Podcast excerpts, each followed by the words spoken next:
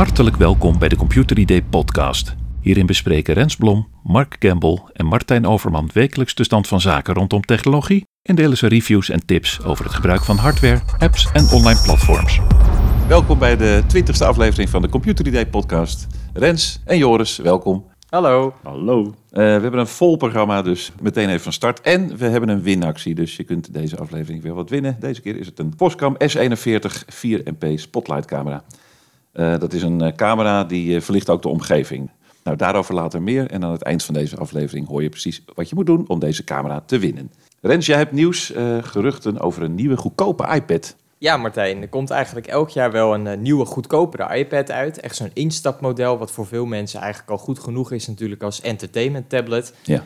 Um, en het nieuwe model lijkt ergens dit jaar uit te komen. En die zou een aantal wel interessante verbeteringen krijgen. Daar zijn nu geruchten over opgedoken van 9 to 5 Mac. Dat is echt wel een uh, betrouwbare website, vaak op Apple geruchten. En deze website zegt nu dat ook de nieuwe iPad, de tiende generatie, gaat afstappen van die Lightning-poort. Dus dat ook USB-C op de goedkope iPad gaat komen. Nou, Ja, dat is wel heel erg fijn. Dan kan je gewoon de kabel van je telefoon bijvoorbeeld of van je computer ook gebruiken voor je iPad. Kan je hem vaak sneller opladen. Of bijvoorbeeld een uh, moderne USB-stick ook aansluiten. De website zegt ook dat uh, de iPad een beter scherm krijgt met echt een, een retina schermresolutie. Dus zo'n mooi scherp beeld. Uh, en zegt ook dat er een nieuwe processor in komt, de A14. En die zou 30% sneller zijn dan de processor die nu in de goedkope iPad zit. Oké, okay, en als je zegt goedkope iPad, over wat voor bedrag hebben we het er ongeveer? Nou, net geen 400 euro kost die in Nederland. In de Verenigde Staten is hij door allerlei redenen wel wat goedkoper. Dus die 329 dollar. Dus daar noemen, ze het ook, ja, daar noemen ze het ook echt de budget iPad. Ja. Hier in Nederland is hij dus wel wat duurder, maar het blijft de goedkoopste iPad die je kan kopen. Dus Ja. ik ben heel erg benieuwd uh, of deze geruchten gaan kloppen. En zo ja, wanneer en hoe we deze nieuwe iPad gaan zien. Nou ja, ik verwacht het najaar. Meestal in september wordt die dan echt uh, aangekondigd officieel. Vaak wel, ja. Of op een evenement. Of uh, Apple heeft het ook wel eens gedaan. En kijk ook naar Joris zomaar een persbericht uitsturen van... hier hebben wij een nieuwe iPad. Okay. Dan komt het een beetje onverwachts. Dus uh, het zal vast ergens dit jaar gaan gebeuren. Je had, je had het ook even over die USB-C. Uh, is het niet zo dat alle apparaten uh, inmiddels daaraan moeten? Dat was toch in het nieuws laatst? Dat is inderdaad in het nieuws geweest. Dat vanaf eind 2024 moeten alle consumenten-gadgets die dan nieuw uitkomen over een USB-C-aansluiting beschikken. En gaat natuurlijk bij Apple vooral de aandacht uit naar de iPhone, die moet overstappen USB-C. Maar het gaat ook gelden voor de iPads. Alleen voor die iPad is dat dan wat minder spannend, want op deze uh, budget iPad na hebben alle nieuwe iPads al een USB-C. De nieuwe iPad mini, de nieuwe iPad Air, de iPad Pro, die hebben eigenlijk allemaal USB-C. Oké, okay, dus dit is hekkensluiter in dat opzicht. Dus daarom is dat gerucht ook heel logisch, Ja. dat ze nu zeggen, Zo ook kan de ik het ook. goedkope iPad krijgt het. Ja, Ja, en eigenlijk wordt innovatie ook een beetje ge- aangespoord door, eh, door die regelgeving. Dus de iPads waren al zover, iPhones gaan er dus ook aankomen. Want ja, eigenlijk voor de iPads heeft Apple het makkelijk. De, eh, ze doen het gewoon heel goed. Het zijn nog steeds de beste tablets die je kunt kopen over iedere prijsklasse. En het is nog steeds wachten tot, eh, tot Android een keertje aanhaakt met, met goede tablets die echt als alternatief voor de iPad gezien kunnen worden. Ja. En ja, eh, Microsoft heeft dan weer wel goede, goede tablets. Maar Windows en tablets, dat blijft nog steeds gewoon nog niet echt de combinatie. we hebben laatst een poll gedaan op eh, de Computer Day website. En daar bleek uit dat een overgrote meerderheid van de, in ieder geval de bezoekers van de site, eh, een Android tablet gebruiken. Wat voor mij wel een verrassing was. Dus eh, Oh, dat is voor Ja. mij ook wel een verrassing. ja, echt, echt duidelijk meer. Dus eh, nou ja, dat eh, binnenkort in het blad. Ook binnenkort in het blad in Computer Day nummer 15 een onderzoek naar online fraude. Joris. Ja, ja dat blijkt dus dat eh, eh, ieder jaar zijn ongeveer 16% van de, van de Nederlanders zijn op de een of andere manier wel slachtoffer van, van fraude. En je merkt dat, eh, dat fraude zich steeds meer naar het, het online domein verplaatst. Dat is logisch, denk ik. Ja, wij als mens zijn altijd wel, wel gevoelig voor een manier van oplichting. Dus, en dat komt ook uit het onderzoek wat we aanhalen in het artikel naar voren.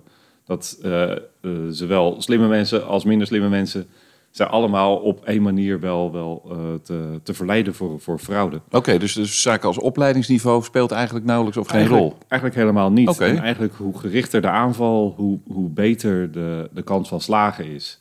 Dus je hebt, eh, wat, wat nu veel voorkomt, is de zogeheten vriend in, in noodfraude. Dus dat is een vorm van fraude waarbij eh, je uit het niets een WhatsApp-berichtje krijgt van een onbekend nummer. Hoi mam, hoi pap, eh, mijn telefoon is gestolen. Eh, kun je even wat geld overmaken zodat ik een nieuwe telefoon kan kopen of zodat ik je even kan bellen? Uh, dat, soort, dat soort vormen van fraude komt steeds vaker voor. En dat, ja, daar blijkt iedereen gevoelig voor te zijn. En dat is eigenlijk vrij simpel, is dat door een, ja, door een fraudeur te, uit te voeren. Ja, ze worden ook steeds slimmer volgens mij. Dus hè, tegen de tijd dat je denkt van nou, hier trap ik niet meer in, want dit voorbeeld heb ik nu genoeg gelezen. Ja, dan verzinnen ze toch weer een methode waardoor je er met open ogen en boter en suiker in gaat. Ja, of bijvoorbeeld uh, cryptofraude is nu ook iets wat, wat heel veel speelt. Dus uh, dat, dat onlangs is in, in een boos-aflevering is dat ook behoorlijk aan bod gekomen. Dat Mark Overmars had zich met een of andere crypto in zee gelaten. En die, dat bleek gewoon één grote scam te zijn. heel veel mensen zijn heel veel geld eraan verloren.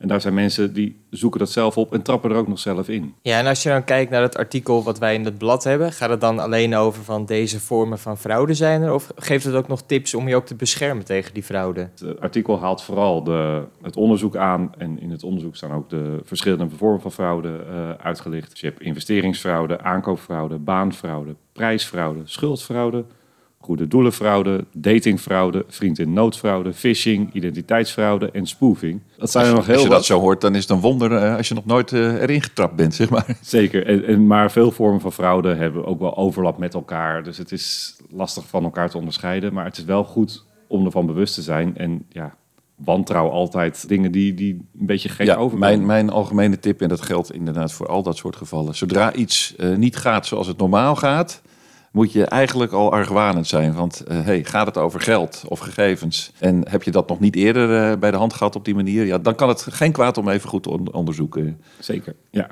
Omdat Mark nu op vakantie is, uh, doe ik eventjes de vraag van de week.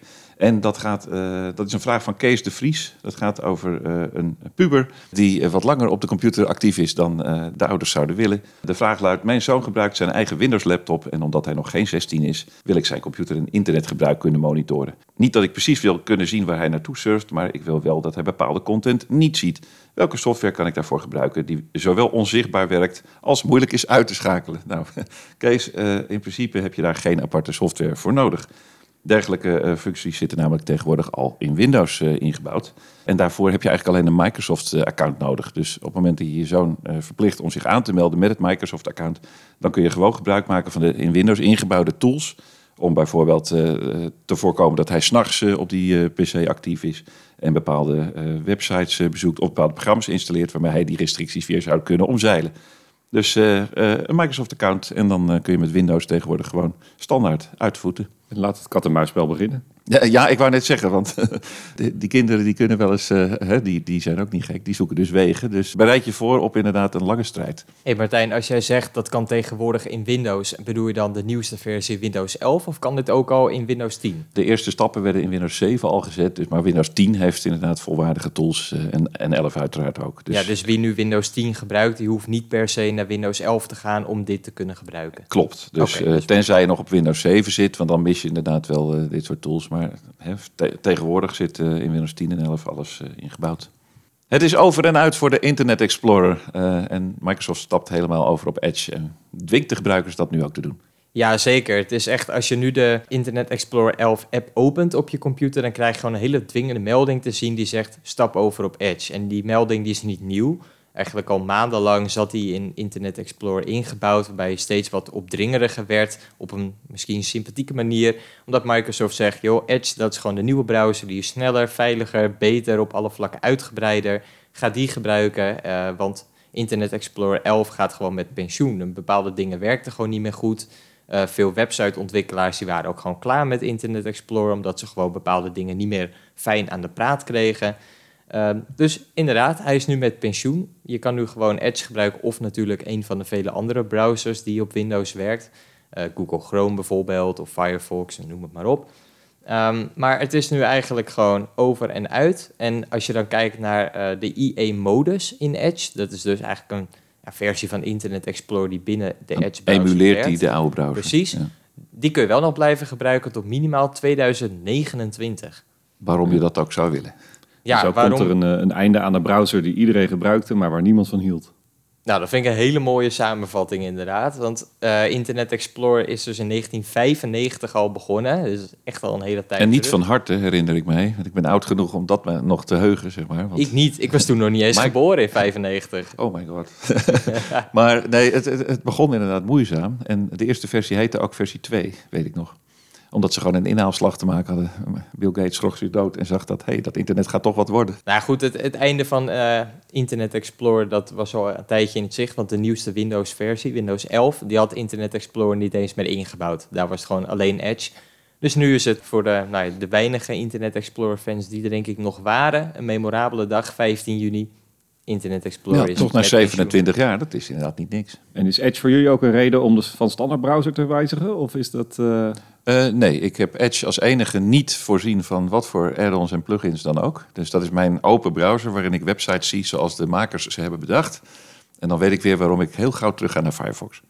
Oh, grappig. Ik gebruik eh, Edge wel eh, af en toe eigenlijk wel op mijn laptop in ieder geval. We hebben met wat, wat add-ons ook voor advertenties een beetje te blokkeren. Maar ehm, het bevalt mij op zich wel goed, omdat ik het ook wel leuk vind om browsers te vergelijken. Hoe bepaalde dingen in Chrome misschien beter werken of in Firefox beter werken. Ehm, maar ik vind het wel leuk om te zien dat Microsoft wel veel moeite doet om Edge beter te maken. Ook qua synchronisatie op bijvoorbeeld mijn iPad of op mijn Android-telefoon. Dat je dan inlogt met je Microsoft-account en allemaal dingen kan synchroniseren. Dingen die er jarenlang niet waren, maar waarvan ze nu wel eh, inzien dat het eigenlijk nodig is. Ja. Ja, voor mij is het echt een principe kwestie geworden. Na eh, Internet Explorer en, en alle, alle narigheid die ervan is gekomen, heb ik tegen mezelf gezegd, ik gebruik geen Microsoft browser meer. Dat is gewoon over voor mij. dus Firefox is, is mijn standaard browser, maar Chrome, dat is een beetje mijn, mijn bijbrowser. Ja, precies. We hebben het er al vaker over gehad. Chrome en Edge, die, eh, die zijn natuurlijk familie. Dus eh, de add-ons kun je nu ook gebruiken in, in Edge. Zeker, ja. In Computer Today 15 staat ook een artikel over slim systeemonderhoud van Windows laptops en PC's. Eh, iedereen weet al wel dat je voor een vlotte werking eh, van de PC en de laptop regelmatig eh, onderhoud moet plegen. En dat je daar het beste, de juiste programma's voor kunt gebruiken. Nou, in dat artikel staan handige tools met software die je kunt gebruiken, die je daarvoor kunt inzetten. En hoe je daarmee het slimste aan de slag kan gaan. En dan moet je denken aan het automatisch controleren op updates, het opschonen van bestanden, stuurprogramma's bijwerken en regelmatig controleren van systeembronnen. Dus of er niet programma's eh 80% van je geheugen aan het opsoeperen zijn. Wat mij al een paar keer is overkomen. En met een andere driver heb ik dat kunnen oplossen. Dus houd dat soort eh, zaken in de gaten. En dan blijft je systeem gewoon nog jarenlang snel en, eh, en stabiel. Dus de, daarover eh, een artikel in Computer ID 15.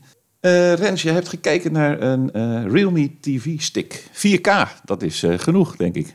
Ja, maar dit is dus wel een heel grappig verhaal. Want ik heb deze Realme 4K Smart Google TV Stick, zoals hij voluit heet. Moeilijke naam, lekker vergeten. Die heb ik eh, een tijdje terug inderdaad getest voor het eh, tijdschrift. En dat was in een tijd waarin dit eigenlijk de enige Google TV-stick was die je in Nederland kon kopen. Dus je steekt hem in je televisie en de HDMI-poort, doet de stekker in stopcontact en plop, je hebt in één keer op je tv allemaal slimme apps van Videoland, Netflix, noem maar op. Je kan beelden van je telefoon op het tv-scherm laten zien. Handige dingen, afstandsbedieningje ook erbij voor het volume, noem het maar op. En adviesprijs was 70 euro. En dat was dus een goede deal in Nederland, omdat het de enige in zijn soort was. Want de echte Google TV-stick, de Chromecast met Google TV, Ja. die was er al, maar niet in Nederland te koop. Aha. Maar wat wil nu het verhaal? Na mijn review van deze Realme TV-stick Oh heeft Google hem wel officieel in Nederland uitgebracht voor exact dezelfde adviesprijs, 70 euro. Dus ik ging nog eens denken vanmorgen in de trein hier naartoe. En ik denk, ja, die Realme TV-stick die is nog even goed als toen ik hem getest heb. Alleen de concurrentie. Alleen het is bestaansrecht serieus, is ja. wel flink verminderd, want die van Google is even duur, kan eigenlijk hetzelfde. Ehm, hij heeft in ieder geval één voordeel, wa- wat ik zelf in de praktijk gemerkt heb. Die van Realme, die afstandsbediening, die werkt niet via infrarood. En die van Google wel. En als je bijvoorbeeld een Sonos soundbar hebt, kan je de afstandsbediening van je mediaspeler alleen koppelen via infrarood. Dus met mijn Realme TV-stick, die afstandsbediening, kon ik niet het volume van mijn Sonos soundbar regelen. En met die van Google kan dat weer wel. Dus ik zit nog een ja. beetje in dubio van, hè, heb je een Sonos soundbar of wil je die? En je kan kiezen tussen deze van Realme en Google, dan is de keuze makkelijk. Ook los daarvan, eh, ik heb ook zo'n zo'n Google Chromecast eh, ding. En die afstandsbediening, die kan ik via infrarood dus gewoon gebruiken op mijn tv. Dus ook gewoon eh, het normale tv-volume kan ik daarmee bedienen. Je kan ook even wisselen van outputs. Dus als ik het HDMI-kanaal wil, wil veranderen, dan kan dat ook met dat afstandsbedieningetje. En dat gaat via infrarood. En dat is ook het verschil met zo'n andere afstandsbediening die waarschijnlijk via Bluetooth naar, ja, klopt. Naar de tv-stick gaat. Ja, dat, dat werkt niet, niet overal mee. Nee, dus dat is een beetje jammer. Um, en los daarvan kun je denk ik ook nog wel vanuit software-oogpunt zeggen dat Google levert de software voor zijn eigen mediastick en voor die van Realme. Maar als daar een update uitkomt, dan weet je eigenlijk uit, nou, vanuit de praktijkervaringen met vorige Chromecast-modellen. Bij Google krijg je die update meteen op de eigen mediaspeler. En bij een merk als Realme moet je wachten totdat dat merk het ook beschikbaar stelt. Ik ben ooit begonnen, uh, tien jaar geleden, met dat soort HDMI-sticks. Omdat er gewoon niks anders was. Hè? Make your dump TV smart. Dat soort uh, kreten was er toen. En nou, ik ben er helemaal klaar mee, zeg maar. Dus, en via de Android-kastjes die je daarna kreeg... ben ik uiteindelijk inderdaad bij Chromecast uitgekomen. En nou ja, klaar. Dat is gewoon af. Dus ja. weet je, ik ga niet aan andere dingen weer beginnen. Nee. Niks ten nadelen van Realme. Sorry. Nou ja, maar dat is het ook een beetje. Hè? Die van, van Realme, die 4K TV-stick, die werkte goed. Werkt nog steeds goed. Maar ik kan hem wel moeilijker aanraden nu die Chromecast van Google jezelf ook officieel te koop is voor exact dezelfde prijs. Met in ieder geval één voordeel, wat Joris ook terecht zegt, een completere afstandsbediening. Ja. Dus nou ja, dat... precies. Leuk, toch? Maar inderdaad, uh, lastig dat je nou net uh, de review al af had. Dus er komt de tweede achteraan, denk ik. Ja, zeker. Ja, die van Google komt binnenkort. Dan zijn we aangekomen bij de winactie die we al aankondigden. En uh, je kan winnen een Foscam S41 4MP Dual Band Wi-Fi. Dat is een uh, spotlight camera, dus een buitencamera met verlichting. Uh, en het verschil met een gewone buitencamera is dat deze camera meer licht toevoegt aan foto's en video's. Dan heb je dus s'nachts ook kleurenbeeld als de spotlights aan zijn. Nou, hartstikke mooi, dus dat maakt deze camera speciaal. De waarde is 100 euro en je kunt hem winnen. Nou, wat moet je daarvoor doen? Stuur even een mailtje naar podcast.computeridee.nl met uh, de reden waarom je hem wil winnen. En vergeet je adres niet, want dan kunnen we zorgen dat je meteen ontvangt. Dan zijn we alweer aan het eind van deze podcast uh, nummer 20. In de volgende aflevering gaan wij in op automatiseren van taken met scripts en de taakplanner, macro's en tools. Dus uh, hoe je Windows volledig automatisch naar je hand kan zetten. Dus daarover later meer. In de volgende aflevering. Rens en Joris, hartelijk dank. En luisteraars uiteraard hartelijk dank voor het luisteren. En graag tot volgende week. Tot dan. Volgende.